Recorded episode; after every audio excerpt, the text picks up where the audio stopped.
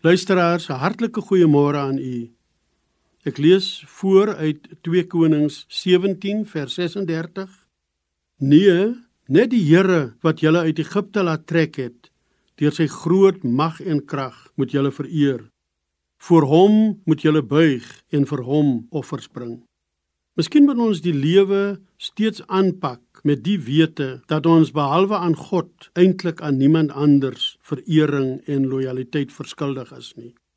Eintlik is daar niks so bevrydend as die sekerheid nie. Uit die teks is dit egter duidelik wat die grond vir die instruksie is. God se mense het die bevryding uit knegskap waarmee God hulle vrygemaak ter die beleef.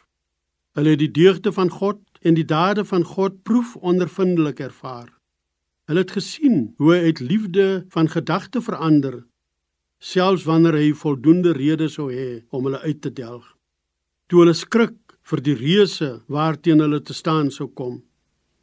Toe hulle vrees gekoester het oor die strydwaans en pere van die farao, het God sy arm gewys en sy mag en krag verlossend teen behoewe van sy eie mense aangewend. Daarom sou daar by die volk geen onsekerheid hoef te wees oor wie hulle moes vereer en aanbid nie.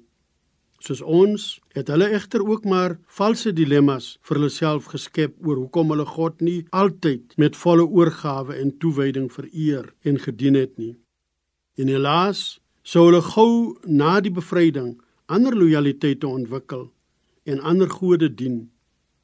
Terugkykend op ons eie lewe Bemerk ons daar miskien die spore van hoe God ons ook al uit benoude situasies gered het.